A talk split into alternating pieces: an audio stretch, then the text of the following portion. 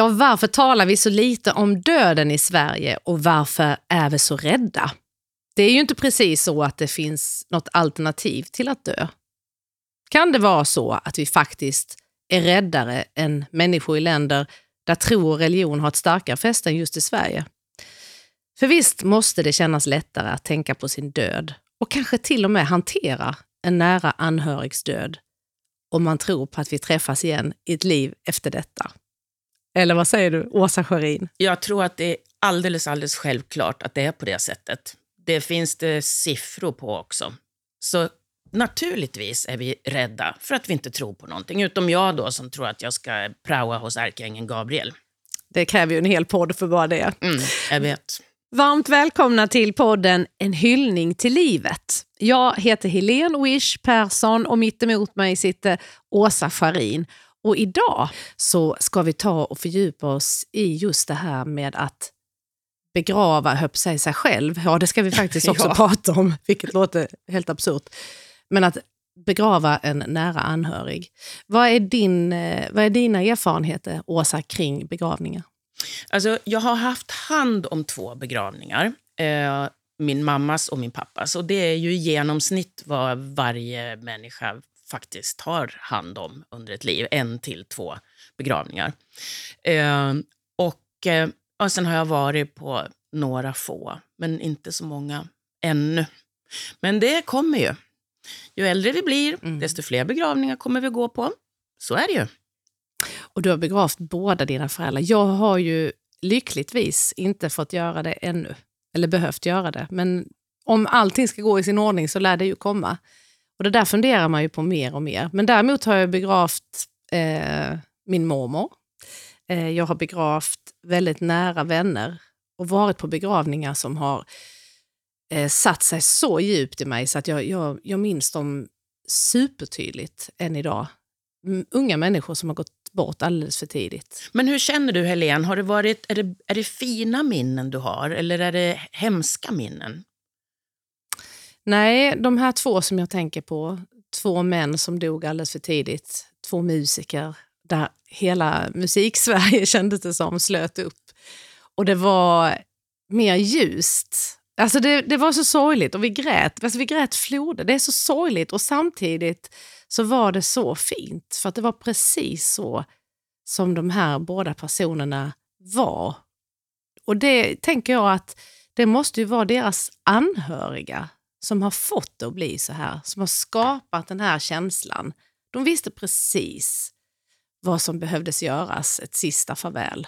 Men det, tror du att de, hade, att de här personerna som eh, dog, hade de också varit med och bestämt hur begravningen skulle vara? Mm. I, de, I det här fallet var det så, för att det var två stycken män, båda dog i cancer och fick den här tiden på sig tillsammans med sin, med sin närmsta att berätta hur man kanske vill ha det.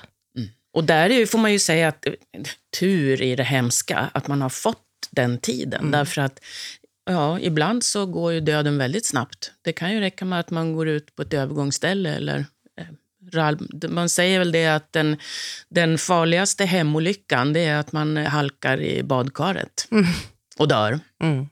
Och då har man kanske inte hunnit att fundera på hur jag vill ha det. Nej, inte om man är yngre i alla fall. Och många äldre har inte heller gjort det. Och kanske inte hunnit att berätta det för någon heller, som står nära att det är så här skulle jag vilja ha det den dagen det händer.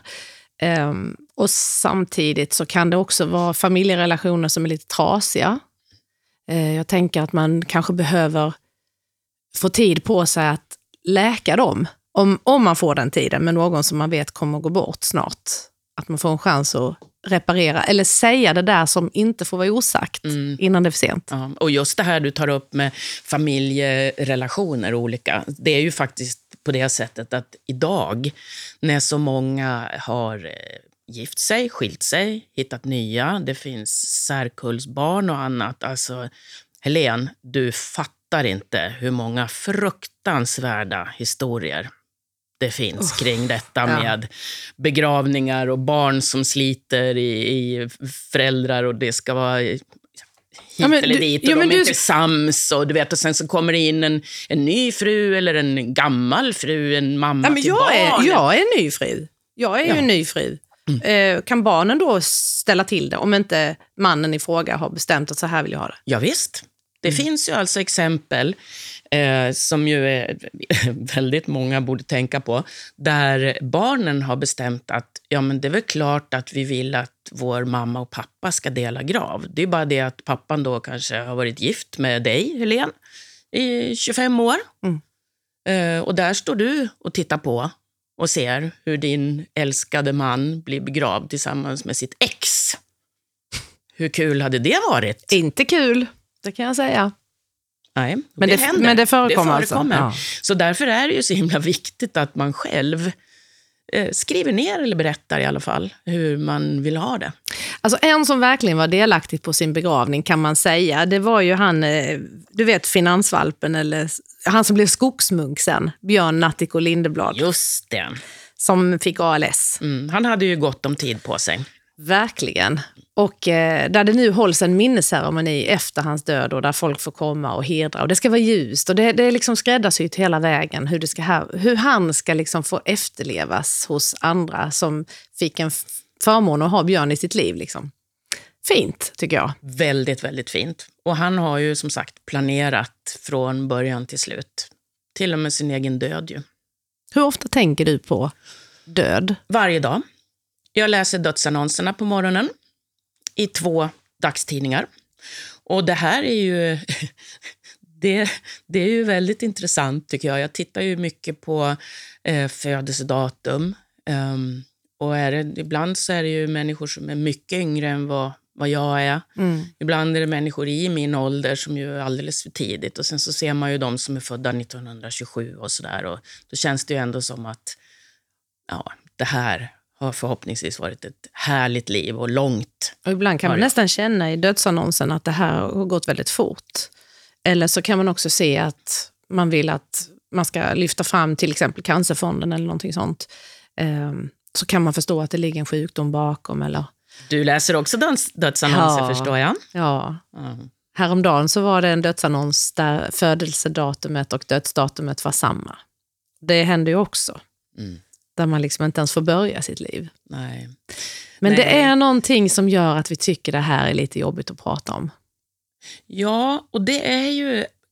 Det, det måste ju ha med sekulariseringen delvis att göra. Och också att eh, förr, alltså när människor dog för hundra år sedan, då, då låg de ju kvar hemma eh, i soffan ute på landet, kökssoffan och barnen lekte runt omkring i två dagar innan någon kom och fraktade bort farmor. Så det är klart att vi, eh, alltså väldigt, väldigt många människor har ju varken sett någon födas eller dö. Har du sett en död person Ja, mina föräldrar. I, innan det var dags att begrava dem? Eller? Ja, Efter Typ att de hade öppen- dött, eh, precis. Ja, precis, Sen, ja, efter. inte, vi hade inte eh, öppen kista så, så, att, Nej. nej. nej, så jag såg dem inte då. Men efter att de hade dött. Det var, det var också så märkligt det här att det var inte alls så hemskt som jag hade trott. Därför att de var inte där. Ja, du kände Det- så? Ja. Ja, de var helt enkelt inte där. Nej. Det var jätteintressant att, eh, att se. Jag- slängde en blick på dem och konstaterade, okej, borta. De är någon annanstans. Nio år gammal. Och eh, jag var väldigt nära den familjen. Och då fick jag vara med och eh, se honom, eller jag fick möjlighet, jag fick frågan om jag ville vara med och ta ett sista avsked. Och vi var bara sex, sju stycken runt kistan som låg öppen. Och han var ju ordninggjord, han var så fin och han låg där med ett eh, påslakan fullt med noter som var inköpt av eh, deras gemensamma barn. Då. Det var en gåva från, från sonen. Och vi satt där och prästen var med och det var eh, musik, lite svagt, som, som eh, hans fru hade valt. Och, alltså det var eh, en av de starkaste upplevelser jag har varit med om i hela mitt liv. Jag har faktiskt aldrig hört om något sånt innan. Nej, jag Alltså- vet inte om det är så vanligt. Eh, kanske i Sverige i alla fall. Men hon ville ha det så och hon ville ta ett sista avsked. Men det var också för att frun var så, alltså det var så mycket sorg i detta. Så att jag, jag minns att hon sa efteråt, nu vill jag ta med honom hem och lägga honom i sängen bredvid mig och där kan han ligga i två, tre veckor, det gör ingenting. Alltså att släppa taget. Mm. Hon visste att när hon går ur, ut från det rummet, det är liksom det sista, hon, sen ser hon aldrig honom mer. Och han låg ju där. Eh, visst, visst kunde man se någonstans att, att han inte fanns längre, att han var död, men han var så fin. Och jag satt och, och, och liksom knöt mina händer i knät och, sen, och så ville jag liksom egentligen bara ta på honom. Jag ville känna på honom. Jag satt och tittade på magen. Nu, nu, nu kanske det kom ett litet... Alltså att den reser sig, att han börjar andas. Det var jättekonstigt. Och till slut så vågar jag, för att jag är så nyfiken också, för jag har aldrig sett en död människa, känna hur känns det när de är kalla? Hur känns det liksom? Och jag tog modet till mig och jag har gjort det. Ehm, men jag, jag alltså är det ännu närmre så att det skulle vara föräldrar, eh, alltså familj. Så Mm. jag, det, här, det här, nej. Och jag känner jag kan knappt prata nu för det var så starkt. Men Jag förstår det. Men Helene, upplevde du samma sak som jag där? Att han, att han i själva verket redan hade gått någon annanstans? Nej.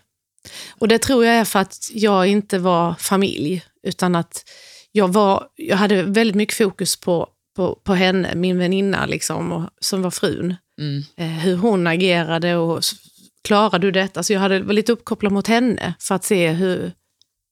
För vi gick ju så här upp och ner, vi, vi skämtade, vi satt och drog liksom skämt som, så som han hade gjort. Samtidigt så grät vi, det var väldigt konstigt.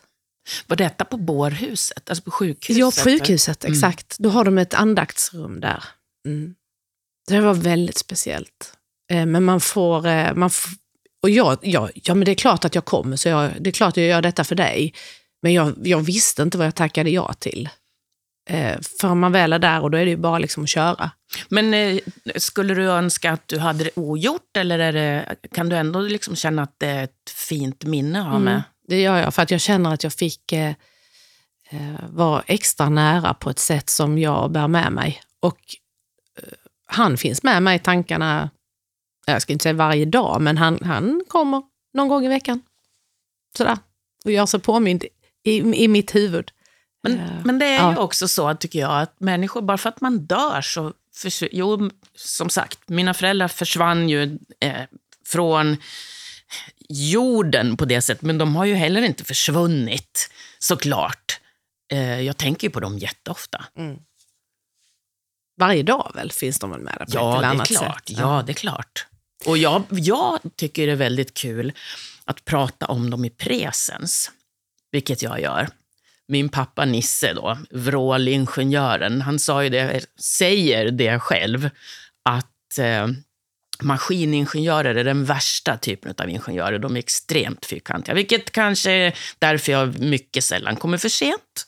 Kanske ärvt lite av det. Men i alla fall så, eh, han har, har alltid så mycket roliga saker att eh, eh, han kommenterar mycket kul saker. Och det här är ju, han är ju med i våra samtal varje dag och i eh, presens. Och du, och du har ju också berättat för mig att det var två begravningar som var helt olika, för att din mamma och pappa var väldigt olika och de fick det på olika sätt. Mm. Och, och det var lite kul. På, på temat då vi pratade om att det kan bli mycket bråk eh, om man inte har skrivit ner hur man själv vill ha det, så blev det ju inte det med eh, mina föräldrar. Min bror och jag, ja, brorsan sa att "Ja, men bestäm du. Eh, de hade inte skrivit någonting. Och mamma, eh, hon, var ju, hon var ju lite troende ändå sådär på något sätt. Så då tänkte jag att ja, men då passar det ju bra med en, en eh, kyrklig begravning och en präst och salmer och så.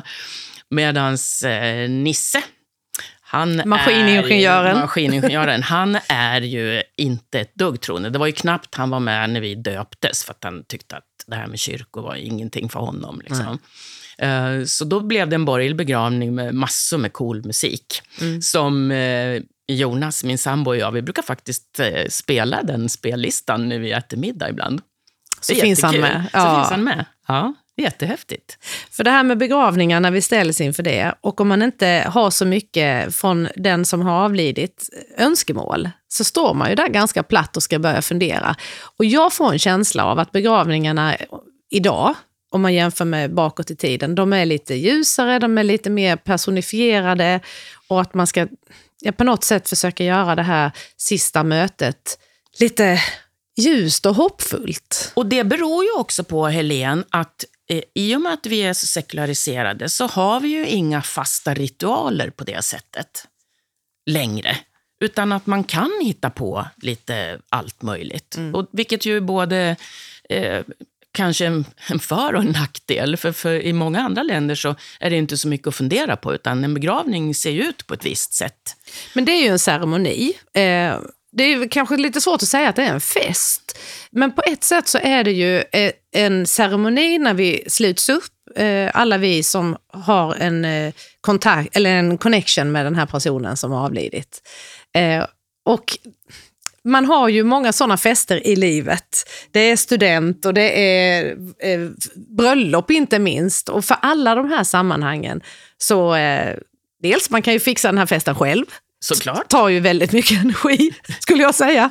Men man kan också ordna en wedding planner eller man ska ha en, en stor 50-årsfest så ordnar man en, en, expert på det här som kan det här med att verkligen styra upp så det blir en fest. Och det är ju det vi behöver ha nu, en funeral planner helt enkelt. Lite så. För mm. finns det en som ett yrke liksom? Vad vet jag, höll jag på att säga. Men eh, jag kan ju tänka mig att eh, det blir fler och fler personer som, som just skulle önska sig en funeral planner. Så därför sitter hon ju här då. Eh, Susanne Wallin som eh, driver eventbyrån Kraftkällan i Kristianstad. Eh, som har ordnat eh, hur många olika fester och möten och ceremonier i, i livet som helst. Välkommen hit för det första. Tack så jättemycket. Tack. Vad tänker du när du sitter och lyssnar på våra funderingar här kring det sista tänker, avskedet? Ja, men jag blir ju dels blir jag berörd. Alltså, hur ska jag kunna prata nu? Jag vill nästan börja gråta när du pratar om din vän mm. och hur ni hanterade detta. Men jag vill inte kalla att jag är en funeral planner och jag vet inte ens om det finns eh, det, men, men eh, det kanske drar åt det hållet. Ehm, och jag hoppas egentligen, för tanken är ju väldigt god, vi planerar våra bröllop avigt och rätt, men när det kommer till livets avslut och avsked så, så många gånger man tänker inte ens igenom hur man vill ha det. Så att, jag tycker ni, ni, ni um, berör ett ämne som är jätteviktigt. Har du varit på några begravningar? Jag har varit på begravning och då är det ju inte det jag precis kommer ihåg i detalj. Absolut inte. Utan då är det det fyrkantiga, det man förväntar sig och församlingshemmet eh, och smörgåstårtan och, mm. och någon som håller ett tal. Det är ju så det har sett ut när jag har varit med. Så jag har ingen annan erfarenhet faktiskt. Dessutom i, i den situationen så är man ju oftast väldigt uppfylld av en sorg som också tar plats. Så att man kanske inte funderar just där och då, mm, varför har de gjort så här? Och varför gör de inte si? Eller kunde de inte gjort så här? Men efteråt så kan man tänka att, vänta nu lite, om jag skulle bli begravd eller om jag skulle arrangera en begravning för någon närstående till mig, då, då skulle jag vilja ha det på ett annat sätt. Har, har, du själv varit med och arrangerat en begravning för någon? Nej, jag har aldrig fått frågan. Aldrig någonsin. Ehm, men jag tror att vi måste beröra ämnet, att vi måste prata om det, att vi måste berätta för varandra hur vi vill ha det. Och kanske även förekomma lite grann och, och tänka till och eh, utifrån personen som, som går bort. Hur ville den personen ha det? Hur är den, ser den personen ut i sin personlighet? Vad passar in för den? Mm. Eh, och jag tror att man får ett så mycket ljusare minne och stunden är så mycket mer givande om man har tänkt igenom och inte bara köper det färdiga paketet som erbjuds av begravningsbyrån eller vad det nu, hur det nu, jag vet inte ens hur det fungerar. Eh, vem, vem som bokar och vem som sköter allt. Eh, men att man, man vågar prata om det. Ja, för det där är ju en, en ruljans som sätts igång och där är ju begravningsbyråerna fantastiska. De, har, de vet ju liksom var de ska börja. Men jag tror att, att skjuta in med det här personliga blir mer och mer vanligt. Ja, och, och med tanke på att nu 40-talisterna faktiskt börjar dö undan, eh, lite sakta men säkert, mm. så är ju de eh, Förutom Dagny då. Förutom Dagny. Som blev som nästan är- 110. Ja, eller hur? Vi måste nämna Dagny. Vi måste absolut lämna, nämna Dagny. Men jag tänker att eh, de här 20-30-talisterna, det är ju mer den här typen av människor som, ja, men, nej men inte, Inte ska väl jag. Inget besvär för min skull Åh. och inte för dyrt och, och Och nu så. tänker jag på min mamma. ja. Hon vill aldrig vara till besvär. Men oj, vilken fin begravning hon ska få. Ja, men det är klart att hon ska. Men som sagt, från 40-talisterna, där börjar det ju hända saker. Liksom. Då är helt plötsligt så, då är man ju Mm. mer alltså, jag och eh, det ska, man ska synas och sådär. Så att, eh, jag tror också att det kommer mer och mer, absolut. Mm. Var och en vill vara lite unik. Jag minns på den andra eh, mannen som jag berättade om tidigare som också gick bort för tidigt. Eh, musiker. Och där är ett, ett, eh, ett avslut på den begravningen där de eh, musikervännerna som bär ut han i kistan, de tar sig en eh, hutt av eh, Jägermeister tror jag det är. eh, Eller var det gammeldansk? Nu kommer jag inte riktigt ihåg. Jag tror, jag tror det var Jägermeister. Nej, det var gammeldansk. Det var gammeldansk. Ja, I alla fall, det är inget gott. Men det här tyckte han om. Eh, och, och, varje gång jag ser en gammeldansk så, så tänker jag, jag tänker på honom. Det är liksom hans grej. Och det behövs inte vara så mycket för att det ska bli det personliga. Nej, verkligen inte. Och då tänker jag, flickor, eh, ni känner ju mig båda två, ni kommer ju inte kunna dricka ett glas rosévin i framtiden utan att tänka på mig, eller hur? Nej, och framförallt inte rosa bubbel. Just det. För det är ju du personifierat, Ja. Åsa. Ja. Men Susanne, när du får en, ett uppdrag, Mm. eh, det kan ju vara någon stor invigning, någon fest, eh, ja, Mm. i olika storlekar. Hur, hur, går, hur tar du dig an det här uppdraget? Vad är det första du gör för att ta reda på hur ska vi liksom sy ihop detta till tidernas fest? Det, vi tittar ju alltid på vad är syftet, varför gör man det här, vad, vad, vad står det här för? Vi jobbar ju främst med företag, men vad står företaget för? Vad är kärnvärdena? Hur kan vi marknadsföra det här budskapet mer? Och alla de här sakerna. Men, men det går ju att omsätta också i, eh, likväl som man omsätter det i en, ett bröllop, så går det garanterat att flytta över det till en begravning. Att, vad står den här människan för? Vad, vilka hobby hade den här människan? Vad, vilken musik gillade personen? Vilken plats skulle passa in att ha eh, den här sammankomsten som ändå ska vara med vördnad. Det är ju inte, kanske en, det är ju inte en fest, men man kanske firar ett fantastiskt liv som har varit. Att man skulle titta på och välja med omsorg eh, det som, som passar. Eh, och att det ger så mycket för alla som är med och, och deltar i det här avskedet, avslutet. Att det är genomtänkt, precis som allting annat vi gör. Allt som är planerat, eh, strukturerat och genomtänkt blir så mycket bättre. Ehm, och det blir ett fint minne och minnet är ju resultatet. Vi vill ju ha ett bra resultat. För visst är det så att det är de efterlevande vi gör det här för? Det är ju Ja. faktiskt vi som sitter där. Ja. För du brukar säga Åsa att vi har ju bara en enda chans att göra det bra. Ja, det, Det kommer ju ingen chans två. det kommer ingen chans två. Och just det här att det är den sista möjligheten till ett glatt och fint eh, minne av en älskad person. Jag menar, det, du kommer ju tänka på begravningen hur många gånger som helst. Vilket du också har, har bekräftat, Helene, med de här två eh, alldeles för tidiga eh, begravningarna som du har varit på. Är det bra så har man det ju i tanke och man kan le också och komma ihåg det med, med glädje. Så det är klart att det är viktigt. Alltså det där med smörgåstårtan, Susanne. Jag, Men ja. om man gillar smörgåstårta, Ja, men då är det ju bra. Men Ja, jag men gillar det- ju inte smörgåstårta, så det vill jag ju inte ha. Nej, men det, även om man nu gillar smörgåstårta så går det ju att göra det mycket roligare än vad det många gånger görs. Men tänk vad man kan symbolisera saker med personer, om man säger med mat som ett exempel. En person som älskar att resa, som har varit över jordens alla hörn. Vad är, varför är det inte då så naturligt att man skulle bjuda på en buffé från olika världsdelar och man kan prata, man har saker att prata om och minnas tillsammans. Man äter mat från Afrika, man äter från Europa, man äter från USA. Eh, för alla moment är ju så mycket som man kan ta till sig själv, som, som personen kan liksom bidra med, skapa samtalsämnen och ihågkomster och minnen. Ehm, eller att man inte agerar eh, tillsammans som gäst.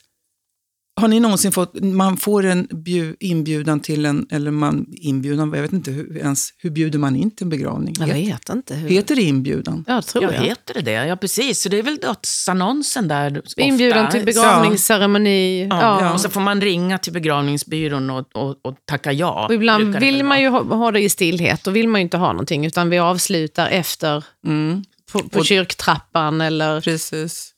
Men jag tänker att, tänk om man skulle få en uppmaning, ta med det finaste, vackraste fotot du har tillsammans när du eh, är med den här personen. Mm. Eh, tänk en, en vernissage med bara bilder med vänner så, och personen i fråga. Bara gå och titta och prata om och minnas tillsammans.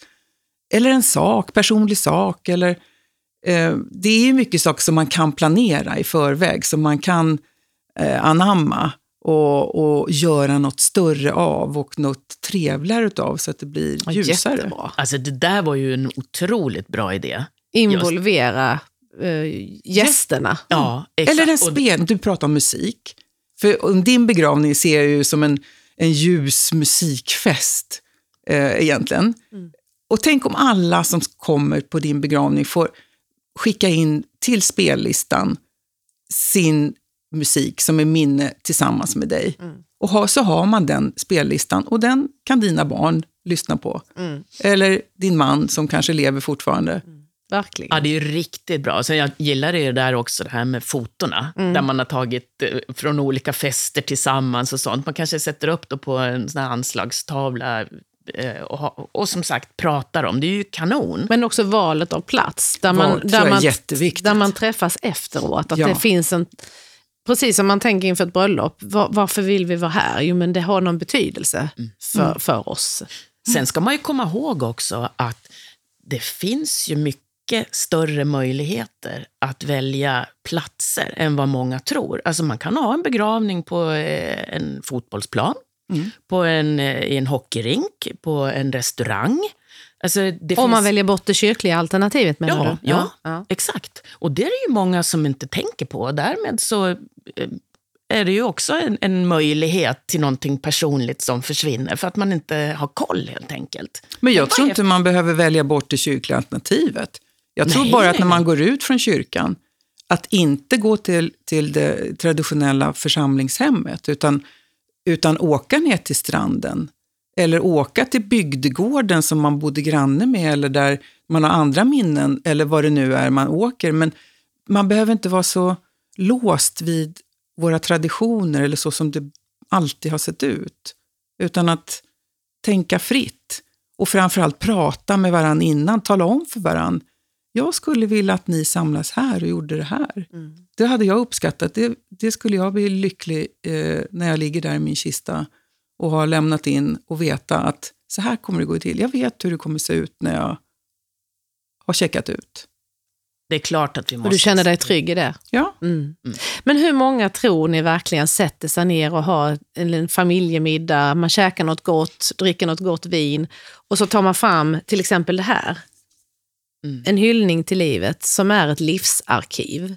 En jättefin broschyr på jag vet inte hur många sidor, men eh, en guide, Åsa, som du har varit med och skrivit, som man kan ladda ner. Berätta var man kan hitta den någonstans. Ja, den kan man hitta på enhyllningtillivet.se. Så kan man ladda ner den som pdf. Och Det är det vi har suttit och pratat om här. Och Där får man lite tips och idéer och, och, om... Hur en begravning, alltså hur en annons kan se ut. Kistor, här är ju gästernas klädsel och saker man kan ta med sig och massa funderingar. Eh, det måste ju vara en fantastisk hjälp. Ja, det var ju så det var tänkt från början. Sen finns ju det riktiga livsarkivet som är mycket mer med juridik och annat som också är oerhört viktigt naturligtvis att man fyller i. Men det här är ju liksom just för själva begravningen och festen. Den sista. Ja, men det här är ju fantastiskt. Jag tycker, när jag läste det här så blev jag glad i själen, för det är avdramatiserande, det skapar andra tankar och det, oj, kan man göra så här? Kan man tänka, ja, varför ska man inte göra det? Det, det, så har ni inte läst det så tycker jag verkligen att ni ska titta i det och bläddra i det och få er egen tanke eller idé kring hur man kan göra. Ja, och faktiskt, eh, ta den här kvällen, eller när man nu väljer att göra det, tillsammans med sina närmsta och prata kring det och fylla i det. Och, och, och göra så att man vet att man, nu har jag spridit mitt budskap, nu vet de. De som ska veta, de vet. Mm. Det måste ju vara...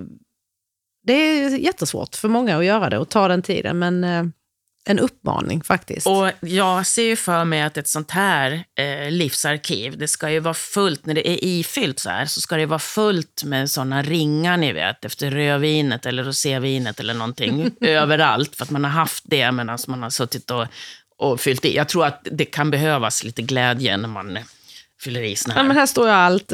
Blommor, eh, tal från gästerna till exempel. Mm. Eh, eller tal från mig själv den som är avliden till sina gäster? Att man har förberett det? Ja, det är klart att man måste skriva sitt eget tal. Det är ju Eller? annorlunda. Ja, det är annorlunda. Eh, och, och, och ta, man, man, nej, men det kan man inte. Jo men, jo, men det är klart man kan. Ja, det kan man. Gud vad fint. Till sina barn till exempel. Ja. Eller till sin man. Eller till ja, den, den som man känner, det här måste jag få säga till mm. denna personen. Mm. Mina ord. Mm. Och sen, ni vet det här med vad man ska ha på sig. Alltså, jag kommer ju ha min paljettklänning som är cerisrosa. Mm. Såklart. Mm. Och det är ju totalt personifierat med, med, med dig, Åsa. Ja. Så att det är ingen som skulle reagera eller tycka att det var konstigt. Det är det mest naturliga. Faktiskt. Hur tror ni jag skulle vilja ligga? ja, Helene, jag ser för mig att det skulle nog också vara ganska fluffigt och piffigt. Och... Ja, eller så skulle jag inte ha en tråd på kroppen. För att jag är ett naturbarn. Ah! Mm. Ja. Det är inte så många som vet. Nej. Att jag alltså, inte så att jag springer omkring och näckar, det gör jag inte. Men eh, jag tycker ibland att det är väldigt skönt att ha lite kläder på sig. Sen är det ju extremt roligt att klä upp sig också. Och bli paljettig och fluffig jag också. Mm. Där är vi lika. Ja, där är vi faktiskt mm. lika. Jag gillar ju också det här, jag går ju mycket barfota och så, mm. hemma. Det jag tar ju alltid av mig både skor och strumpor. Så barfota i paljettklänning, det känns som en eh, bra idé. Nu vet de efterlevande, det är ju suveränt. Det är kanon. En bit på väg. Hur känner du, Susanne? Själv? Hur jag vill bli? Ja, du som ändå är proffs. Ja, alltså jag är ju inte proffs du på det här. Du borde ju verkligen ha styrt upp din ja, men det, Och det är ju först när du jag fick frågan om att medverka här, det var ju då som jag började tänka, ja, hur vill jag själv? hur Så, ofta pratar ni om det i familjen? Nej, det är inte ofta. Nej. Verkligen inte. Men det ska bli ändring på det. Så jag sa till min man där hemma att, ja, om du bara så du vet, så den nya altanen med utsikt över, ut över nejden på sommarhuset, där skulle jag nog kunna tänka mig ha samlingen. Du ser. Mm. Så att eh, vi är ett steg på väg. Och jag ser för mig att vi tar en kväll tillsammans och tar in lite fler väninnor och så. Och sen så gör vi det här, för jag tror att det är nog ganska bra att sitta några stycken, som du sa Helene, eh, och, och, göra ett event av det. Fylla i eh, sitt eh, livsarkiv. Och... Goodiebagen får vi inte glömma. Goodiebagen ska med. Den ska med. Och jag tar verkligen med mig det du sa, Susanne. Eh, om man nu ska skicka någon inbjudan, att be gästerna interagera på någonting, på, någonting, mm. på något sätt. Så att mm. de får dela med sig och känna sig delaktiga. Jag tror det känns bra för, som gäst också. Ja, verkligen. Ja. Och då är ju faktiskt vi också ett steg på väg, tjejer. Att vi har eh, fått dig att väcka tankarna, Susanne. Absolut. Och Åsa, det är ju lite vår mening med den här podden. Att vi ska våga prata om döden, eh, samtidigt hylla livet. För det är ju precis det allting handlar om. Vi ska ju faktiskt leva alla dagar i vårt liv och bara dö en enda dag. Mm. Och den ska åtminstone kunna vara lite festlig, eller hur? Mm. Susanne Wallin, event planner, kanske framtida funeral planner. Vem vet? Man vet aldrig. Men stort tack för att du var med oss idag. Och tack själva och bra jobb som ni gör som väcker de här tankarna tycker jag. Mm. Och vi kommer tillbaka Åsa. Det är klart att vi gör. Vi kommer hela tiden tillbaka. Och avslutningsvis till alla er där ute som har lyssnat. Var rädda om er och våga fundera över hur ni vill ha ert sista avsked. Och tills dess, njut av varenda dag. Det ska vi göra, Helene, eller hur? Absolut.